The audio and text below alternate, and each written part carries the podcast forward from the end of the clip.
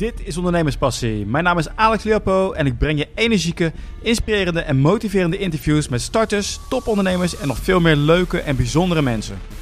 En wil je ook weten wat onze verborgen drijfveren zijn, waarom we doen wat we doen? Luister dan naar de nieuwste podcast Invloed. Hier leer je alles over beïnvloeden en overtuigen. Oké, vandaag praat ik met Mark de Hond. Nou, Mark heeft een uh, hele lange lijst met dingen die hij heeft uh, gedaan. Dus ik zal het kort houden. Hij was onder andere presentator bij NCRV, uh, DJ bij SBS6, presentator bij RTL Poker, presentator van de Rekenkamer. Hij is ook auteur van diverse boeken, waaronder Kracht, het nieuwe leven van een optimist. Hij is spreker en presenter bij TEDx. Nou, je bent echt een, uh, het leidt, ja, je bent echt een ondernemer in hart en nieren. En hier bij Ondernemerspassie willen we graag weten van hoe doen mensen wat ze doen. En je doet ook heel veel verschillende dingen. Je bent presentator, auteur. Hoe werkt dat bij jou als je een idee hebt? Denk je van, hey, ik, ik doe het gewoon. Wat is jouw proces daarin? Nou, moet ik inderdaad zeggen dat het me soms gebeurt dat ik opeens denk, hé, hey, ik heb een goed idee. En dan ben ik, ben ik benieuwd of het daadwerkelijk een goed idee is. Dus van, dan heb ik een ingeving en denk ik van, stel dat ik dit goed zou uitvoeren, zou het dan een succes zijn? Ja. En dat heeft me vaak uh, heel wat um, uren gekost die, die ik dan ja, toch dan ga besteden om het uit, om het uit te voeren.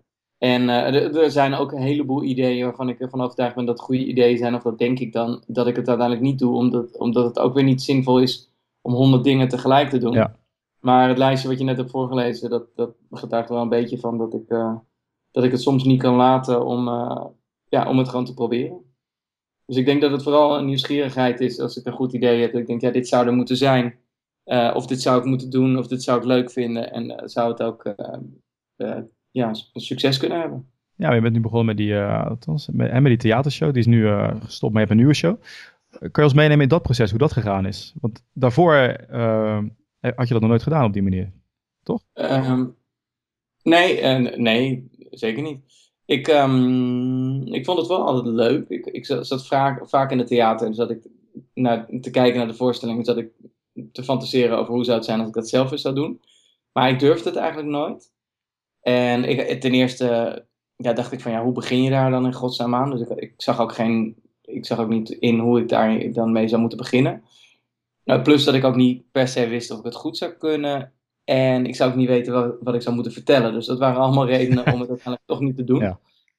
En toen in 2012 werd ik gevraagd voor TEDx Amsterdam. En dat was voor mij wel een beetje uh, het begin van mijn uh, theaterverhaal. Want TEDx Amsterdam, ik was daarvoor wel gewend om af en toe ingehuurd te worden als spreker. En dan ging ik gewoon, ja, zo noemde ik dat een beetje een praatje houden. En dan vertelde ik wat uit de losse pols over mijn leven. Maar nu werd ik gevraagd om een TED-talk te doen. En toen heb ik heel goede coaching gekregen. Dus uh, uh, iemand die me hielp in het, in het opbouwen van mijn verhaal. Om in korte tijd strak een verhaal met een begin, een midden en een eind te maken. En ook iemand die me geholpen heeft met hoe ik dat dan goed zou kunnen brengen. En hoe ik dat daar ook zonder zenuwen het podium op zou kunnen. Zonder dat ik zenuwachtig zou zijn dat ik mijn verhaal zou vergeten of zo. En dat, dat, daar heb ik toen een aantal weken in geïnvesteerd. Met behulp van die twee mensen die me begeleid hebben. En dat leidde er uiteindelijk toe dat ik in december, november uh, 2012 in een volle stad Schouwburg tijdens TEDx Amsterdam een, ja, een goed ontvangen TED-talk heb gegeven. Ik vond het superleuk en daarna kwam iedereen me feliciteren dat ze mijn verhaal zo mooi vonden en dat ik het zo goed kon, uh, kon doen. En toen was het voor mij zoiets van, hé, wacht even, dit smaakt wel naar meer. Ah, kijk. Kort daarna werd ik door Howard Komproe gevraagd om aan de lulverhalen mee te doen. Ja.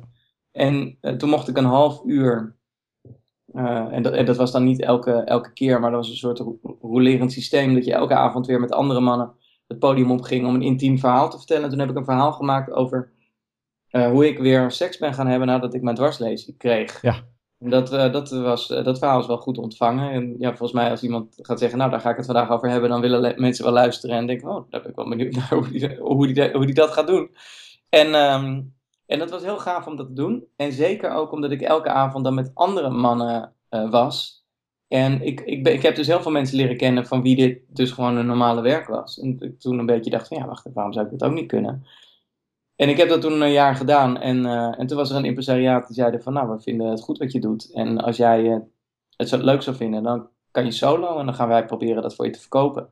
Dus ik nou, probeer dat maar. En als er meer dan vijf theaters geïnteresseerd zijn, ga ik een voorstelling maken. En dat zijn uiteindelijk nou, iets van 70 geworden. En, um... Oké, okay, dus daarvoor had je nog helemaal geen voorstelling zelfs?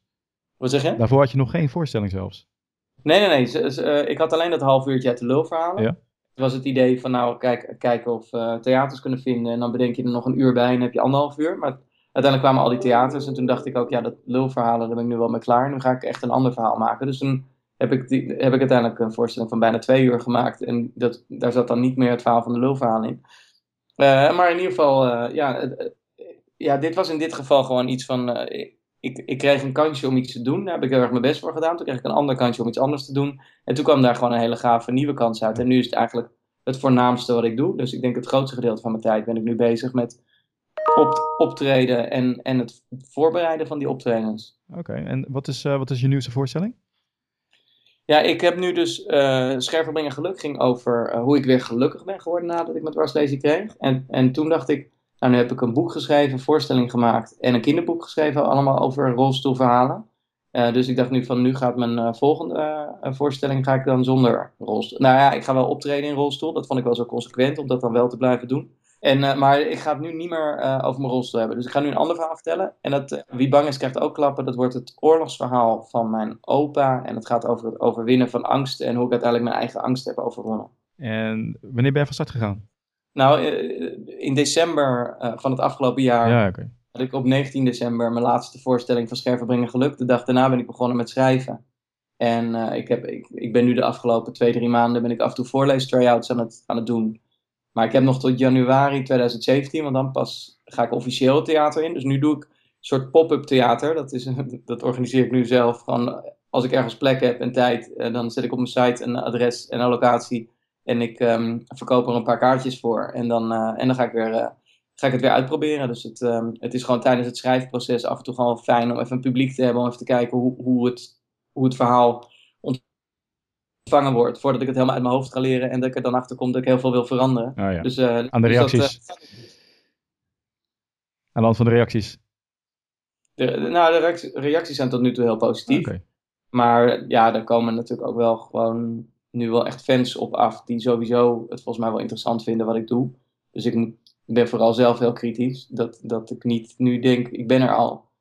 Maar het, eh, ik, ben, eh, ja, ik, ik heb nu al de afgelopen paar maanden nu vier, vijf keer zo'n voorlees-try-out georganiseerd. En het is, elke keer wordt die weer scherper, korter, strakker en meer duidelijk wat ik wil vertellen. Dus dat, ik heb in ieder geval het- de overtuiging en het vertrouwen dat in januari 2017 de nieuwe voorstelling gewoon goed is. Oké.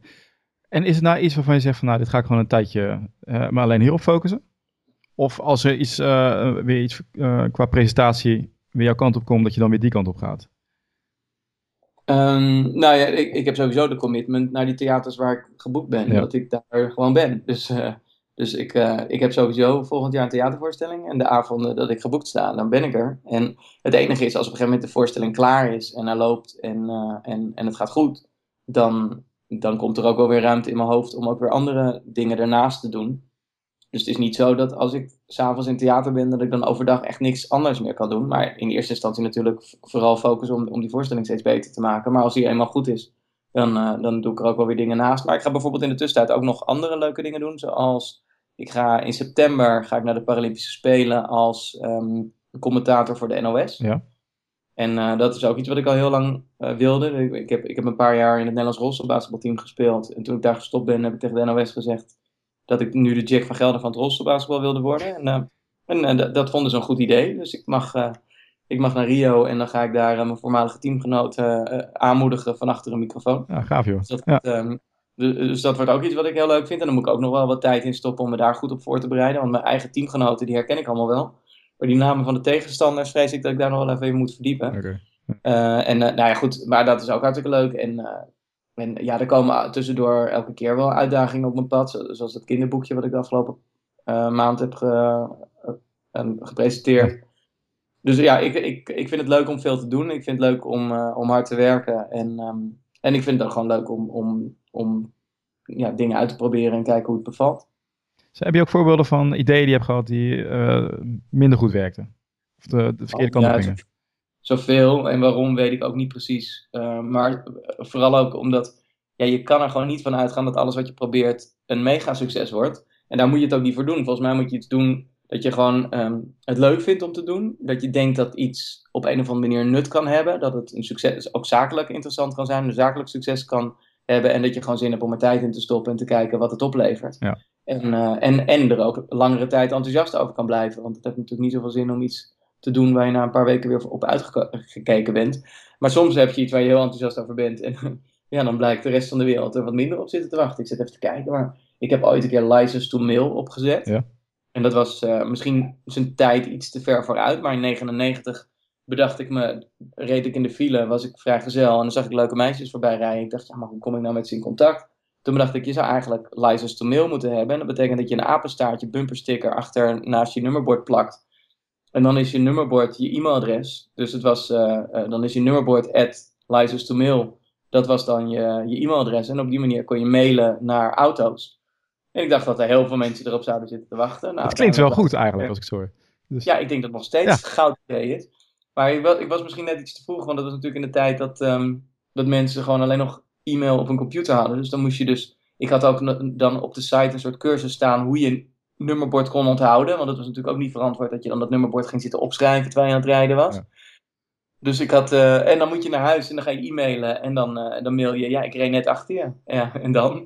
maar goed, er waren, er waren iets van 10.000 mensen die dat toen genomen hebben. En uh, ja, dat is gewoon te weinig, want dan kom je ze gewoon te weinig tegen. Als je 10.000 mensen hebt je moet volgens mij 100.000 mensen op de weg hebben. Dan kom je elke dag er eentje tegen met, een, uh, met zo'n sticker. Ja. Uh, maar goed, uh, dat was toen. En misschien zouden we het nu nog een keer opnieuw kunnen proberen. En is het in, in, in deze tijd is het wel. Um, nou ja, misschien zou het. Nou goed, dat was in 99. Moet je je voorstellen dat er ook nog heel weinig mensen überhaupt internet hadden. Ja. even kijken, ik heb ook nog schaduwkamer een keer gedaan met mijn vader. Dat was eigenlijk een beetje een idee van mijn vader wat ik toen heb uitgevoerd. En dat was dat mensen een, een app dat mensen mee konden stemmen met de Tweede Kamer. Dus dan, dan, dan, dan, dan werd er een wetsvoorstel in de Tweede Kamer gedaan. En, want ik had het idee, mensen weten helemaal niet waar, waarover gestemd wordt in de Tweede Kamer. En de politieke partijen die weten helemaal niet wat hun achterban eigenlijk wil dat ze stemmen. Dus ik dacht, het lijkt me heel goed om het inzichtelijk te maken. Dus als je die app hebt, dan weet je wat zijn de belangrijkste moties die, en wetsvoorstellen die in de Tweede Kamer komen. En dat jij dan zegt van welke partij ben je. En dan zeg je of je er voor of tegen bent. En dan weet die partij ook van nou... Ja, wat denkt de achterban? Ga je nu voor, of tegen stemmen. Maar het is wel handig om te weten dat 90% van mijn achterban vindt dat ik tegen moet stemmen. En dan kan je, dan kan je dat um, uh, meenemen. En dat, het was eigenlijk een idee om de kloof te dichten in de politiek. Tussen, uh, tussen de kiezer... En, want er heel veel mensen die denken van ja, ze doen maar wat daar in Den Haag. En ik dacht nou, als we nou gewoon een contact maken tussen de, de kiezer en de en de gekozenen. En dat die gewoon de hele tijd contact met elkaar kunnen hebben. Dan hoef je niet alles rechtstreeks te doen wat het volk wil. Maar dan kan je in ieder geval uitleggen van nou, jullie willen allemaal dat we voorstemmen. Maar om deze en deze redenen hebben we tegengestemd. En ik hoop dat jullie dat begrijpen. En ik dacht dat dat. Nou goed, ik dacht ook dat de politieke partijen dat ook heel fijn zouden vinden. Maar die hadden er helemaal geen zin in. Dus, um, dus uiteindelijk hebben nauwelijks politieke partijen er gebruik van gemaakt. En, het, uh, ja, en daardoor kreeg het, ook, kreeg het ook veel te weinig rugbaarheid. En um, en, en, en ook te weinig gebruikers. Dus je moet of dan heel veel gebruikers hebben, dat je gewoon tegen de politiek kan zeggen: ja, er zijn gewoon een miljoen mensen die deze app hebben. En dus jullie moeten er maar naar luisteren. Of dat de politiek zegt van nou, wij, wij vinden dit heel belangrijk. Als een paar politieke partijen zouden zeggen, we vinden dit heel belangrijk. Uh, en wij willen hier echt uh, wat mee gaan doen. Maar het is, uh, het is nauwelijks opgepakt door ze. Volgens mij hebben ze het gewoon, de meesten hebben het redelijk genegeerd. En ja, dan heeft het geen zin om dat voor te zetten. Dus ik heb de, toen de stekker uitgetrokken. En hoe lang, uh, wanneer weet je wanneer de stekker eruit moet trekken? Hoe lang laat je dat doorgaan? Ja, als, als het op een gegeven moment uh, alleen maar geld kost en het geen geld oplevert. En je ook niet het idee hebt dat dat, dat, dat nog ergens gaat verbeteren. Of, uh, of als je zelf ook merkt dat je het enthousiasme ervoor kwijtraakt. ja, en of, ja, of er komen misschien wel andere ideeën op je pad waar je van enthousiast over bent. Maar, of je gewoon het idee hebt van ja, er, blijkbaar, blijkbaar. Ja, dat is misschien ook wel eens een probleem. Dat je soms denkt, een behoefte die je zelf hebt. Dat je denkt, oh, dit zou voor mij echt heel fijn zijn als dit zou bestaan. Ja. Dat blijkt dat gewoon te weinig andere mensen diezelfde behoefte hebben. Dus er misschien ook heel veel mensen denken van ja, ik hoef helemaal niet elke dag te weten wat er in de Tweede Kamer gestemd wordt. En ik, ga, ik heb helemaal geen zin om daar elke dag me mee te bemoeien. En uh, ik geef mensen mijn stem en uh, ze zoeken het maar uit vier jaar en daarna klaag ik er wel over dat ze het verkeerd hebben gedaan. Dan stem ik daarna weer op een andere partij. Nou ja, als, als dat is wat mensen voornamelijk willen, of gewoon te weinig mensen wisten wisten dat, we, dat dit bestond. Dus ik denk dat de meeste mensen denken schaduwkamer, meestemmen met de Tweede Kamer. Ik heb het helemaal gemist. Dat kan natuurlijk ook. Maar je kan natuurlijk ook moeilijk. Kijk, soms heb je iets en de pers springt er bovenop en dan heb je heel veel free publicity. En soms moet je heel veel geld erin steken om überhaupt er rugbaarheid aan te geven. Nou, dat is natuurlijk ook een dure grap dan. Oké, dus niet uh, dat je een, een of andere techniek hebt om te zorgen dat je heel snel uh, duidelijk kan, uh, kan krijgen of je gaat werken, ja of nee. Het is gewoon trial and error. Misschien, ja, ik ben ook maar iemand die met economie gestopt is om vervolgens maar wat te gaan doen. En soms was het succesvol en het was vaak genoeg succesvol, zodat het in ieder geval goed met me gaat. Ja.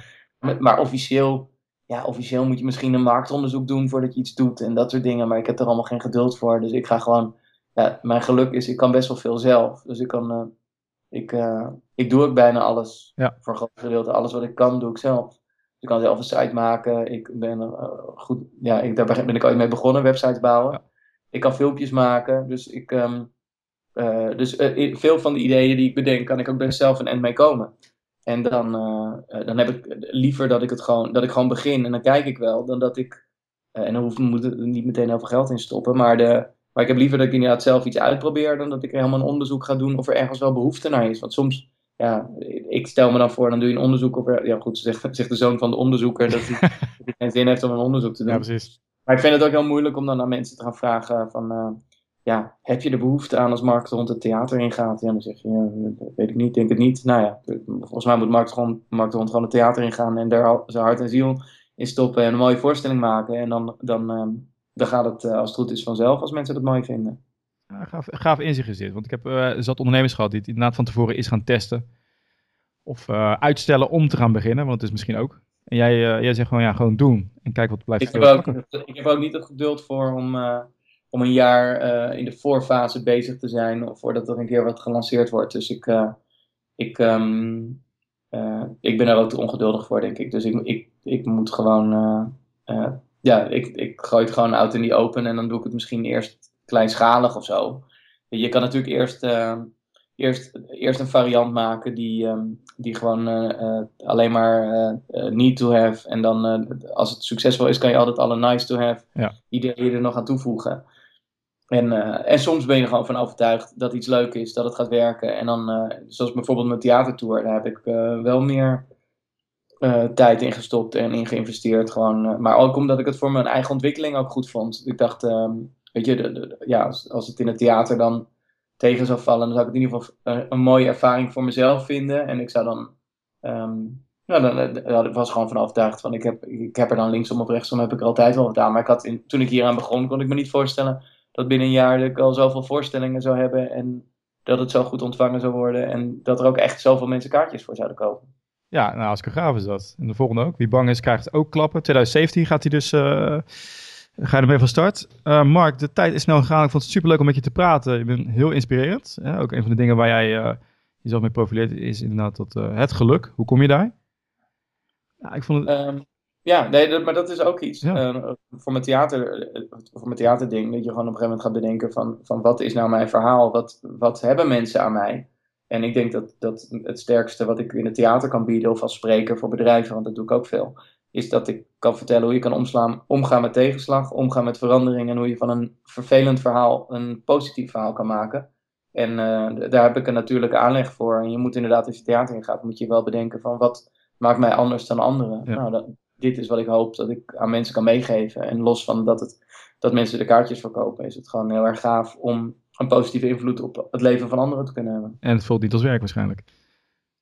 Uh, soms wel. Op een gegeven moment, Als je een voorstelling op een gegeven moment honderd keer gaat doen, op een gegeven moment weet ik wel wat het verhaal is. Ja. En ik weet ook wel hoe de mensen erop reageren. En dan wordt het op een gegeven moment ook wel een beetje werk. Maar het is wel superleuk werk. En iedereen moet iets doen. Uh, en uh, ik maak me de, denk ik op deze manier het meest nuttig. En, um, en het is, ja, het is gewoon super gaaf om, uh, om, om een groeifase mee te maken. Daarom begin ik ook altijd op, opnieuw met iets. Ja, dat viel me ook op. Met iets anders, zodat, je, zodat ik weer op nul kan beginnen en dan kan ik weer beter worden. Uh, in iets waar ik in eerste instantie niet goed in was. Dus dat, uh, dat vind ik ook heel, heel leuk om mezelf steeds uit te blijven Ja, dankjewel Mark. Hello. Is goed. Hey, bedankt hè. De eerste afleveringen van de podcast Invloed gaan over neuromarketing. Zoals jullie waarschijnlijk al weten, maken we zo'n 95% van onze besluiten onbewust. Deze marketeers maken gebruik van technieken zoals EEG-scans, eye-tracking, biometrics, om te kijken hoe wij die onbewuste keuzes maken. We worden eigenlijk door het verkoopproces geleid. En zal je verbazen hoe goed ze jou en mijn gedrag kunnen sturen. En voor je kunnen bepalen welke keuze je gaat maken.